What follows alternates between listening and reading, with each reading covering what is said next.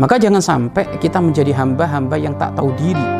Sudah modalnya semuanya dari Allah, sahamnya dari Allah, semuanya kemudahan-kemudahan dari Allah, eh malah dipakai maksiat kepada Allah. Semuanya kemudahan-kemudahan dari Allah, eh malah dipakai maksiat kepada Allah.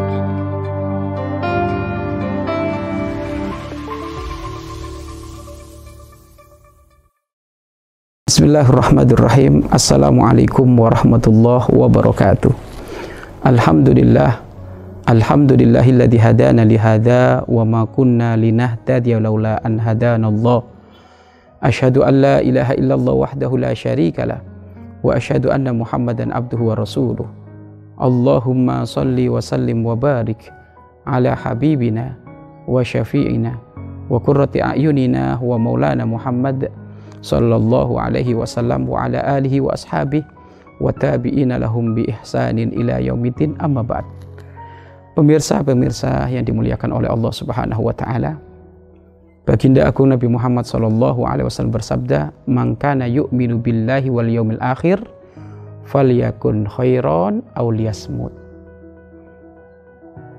Man kana yu'minu wal yaumil akhir, barang siapa yang beriman kepada Allah dan beriman kepada hari kiamat falyakul khairan. Berbicaralah dengan pembicaraan yang baik dengan ucapan yang baik perkataan yang baik isinya yang baik. Kalau nggak bisa kayak gitu auliasmut diem. Mengurangi jatah makan lebih bagus daripada ngomong yang tidak beraturan. Bagaimana Baginda Agung menyandingkan keimanan kepada Allah ini kan puncak Keimanan pada hari kiamat ini juga puncak.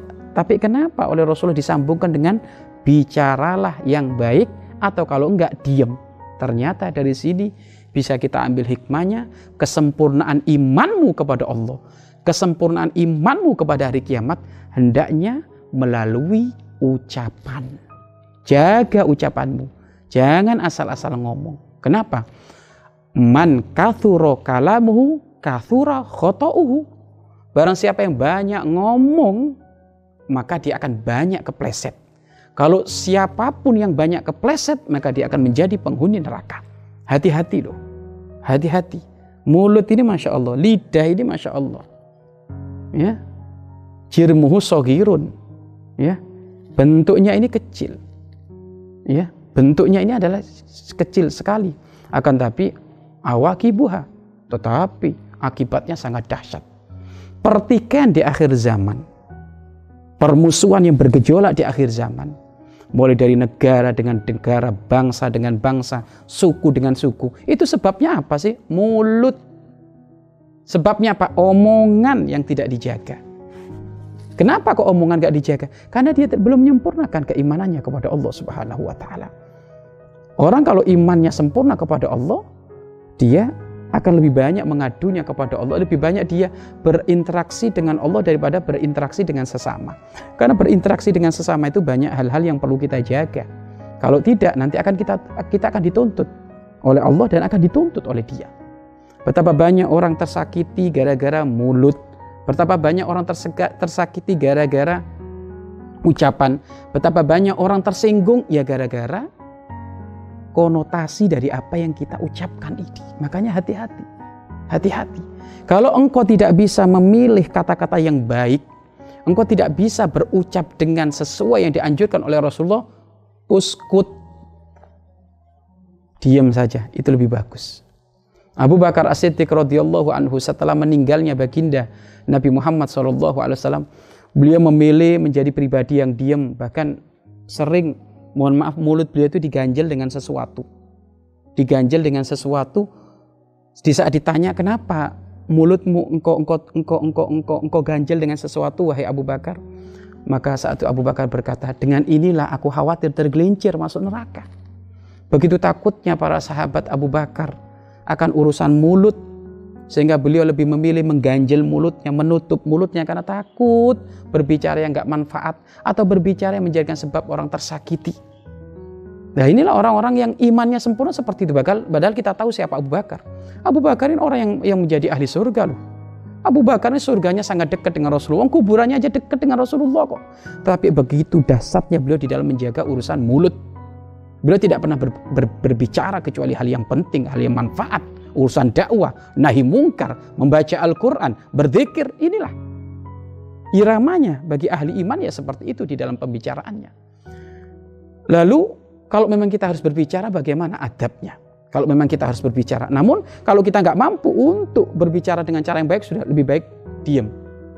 Bijaknya seseorang itu ya dia akan berbicara sesuai porsinya Bukan semuanya ngelantur ke sana ke sana kemari. Mohon maaf kata orang bahasa Jawanya, kata orang bahasa Cirebonnya ngecaprak, ngecaprak tuh apa ya rewel, rewel ribut nggak jelas itu. Semuanya dikomenin, ini komenin, itu komenin. Wah ini hati-hati nih. Matalafadu biharfin min fami, min fami. Nggak ada satu lafat, satu lafat yang eh, satu huruf yang kamu lafadkan dari mulutmu illa Rokibun wa atid kecuali Rokib dan atid nyatet ini. Ente ngomong apa hari ini? Jam 7 tuh kamu ngomong apa? Jam 8 kamu ngomong apa? Jangan dikira malaikat Rokib atid nggak nyatet, dicatat. Kalau ngomong jelek dicatat jelek. Ngomong nyinggung orang di, dicatat jelek, ngomong bagus dicatat bagus.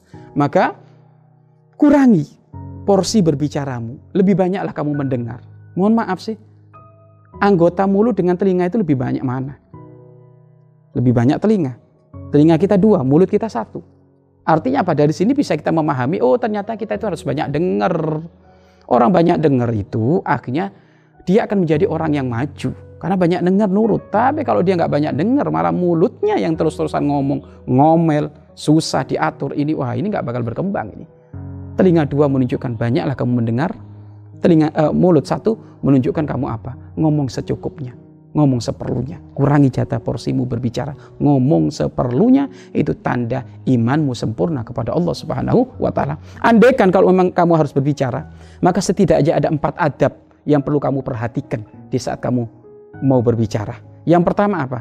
La yatakallamu illa li hajatin muhimmatin. Jangan kau berbicara kecuali hajat yang benar-benar urgent. Jangan kau berbicara kecuali memang ini sangat perlu sekali. Ini sudah kaidah. Para kekasih Allah itu sangat mahal di dalam berucap karena ucapannya adalah mutiara. Baginda Agung Nabi Muhammad SAW termasuk beliau adalah pribadi yang tidak asal-asal mau berbicara kecuali kalau bicara bicaranya adalah mutiara, sesuatu yang bermanfaat. Maka jika engkau berbicara harus seperti itu. Jangan berbicara kecuali hajat yang sangat penting. Ini yang pertama. Kemudian yang kedua, fakirin fakir awalan qabla ayyatakalam. Renungi dulu sebelum kamu berbicara lawan kata lawan pembicaraanmu itu siapa? Orang tua apakah anak kecil? Orang yang ber, ber, berpengalaman ilmu ataukah orang awam? Loh ini harus ada porsinya. Kalau engkau berbicara tidak beraturan seperti itu, semuanya akan tersinggung, ucapanmu nggak ada nilainya. Mana yang tua kamu jadikan kayak anak muda? Mana yang yang yang yang yang yang yang dia punya derajat kemuliaan dengan ilmunya sama orang awam? Kalau kamu nggak nggak melihat lawan katamu ini siapa, maka engkau akan berbicara asal-asal. Maka jangan ngomong kecuali direnungi dulu. Itu yang kedua. Kemudian yang ketiga, kalim bi kalimati thayyibah. Ucapkan berbicaraan itu dengan ucapan yang baik. Pakai bahasa yang paling lembut, pakai santun. Jangan biasa dengan kalimat ana, saya, pendapat saya, hemat saya. Jangan. Pakai pendapat pendapat guru kami, pendapat kami yang fakir ini kami sih nggak punya pendapat. Jadi pakai kalimat yang lembut. Kenapa? Kelembutanmu di dalam tutur kata itu menjadikan dirimu adalah dapat pahala. Kemudian yang mendengar itu mau menyimak.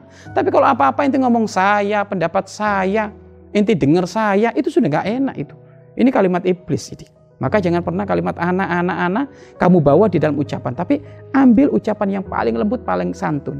Kalau kata bahasa Jawanya itu pakai bahasa toto kromo pakai bahasa yang lembut. Kalau bahasa Sundanya bahasa yang lembut disaring benar. Ya, ini.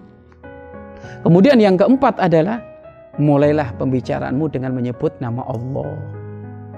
Baginda aku Nabi Muhammad SAW tidak memulai pembicaranya kecuali dimulai dengan Bismillah dan diakhiri juga dengan Bismillah. Jadi biar ada ada ada apa ya ada pondasinya penggeraknya kita ngomongnya atas nama Allah ini. Ditutup juga atas nama Allah atas nama Allah. Insya Allah kalau kita melakukan hal ini maka pembicaraan kita insya Allah pembicaraan yang bernilai pahala di hadapan Allah subhanahu wa ta'ala. Akan tapi kalau nggak mampu melakukan itu sudah diam saja.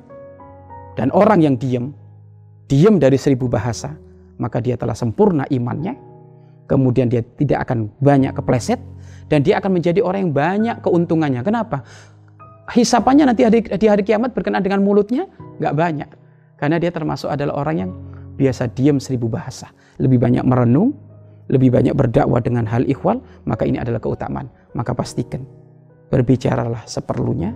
Kalau tidak, Anda diam itu adalah keutamaan. Wallahu a'lam bisawab.